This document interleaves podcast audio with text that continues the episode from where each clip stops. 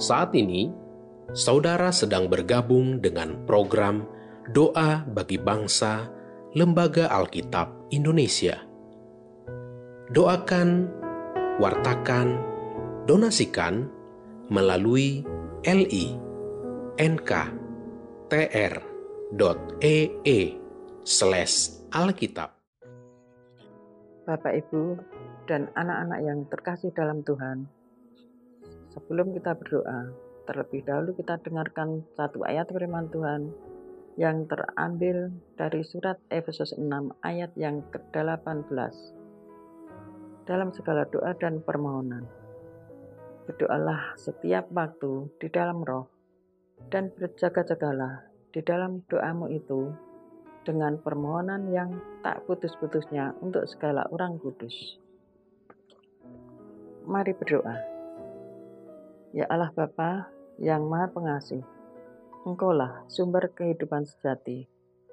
Puji dan syukur atas limpahan berkat serta penyertaan-Mu dalam hidup kami. Masih di dalam kondisi pandemi virus corona, berikanlah kesehatan bagi seluruh bangsa Indonesia. Ya Tuhan, bagi keluarga-keluarga Kristen, kiranya Tuhan mampukan agar tetap tenang, kuat, dan bersemangat dalam menjalani kehidupan dengan kebiasaan yang baru dan tidak kehilangan pengharapan yang hanya ada padamu. Kepada para kaum lanjut usia, di mana pun mereka berada, oh Tuhan, kiranya Engkau berkenan selalu menyertai mereka.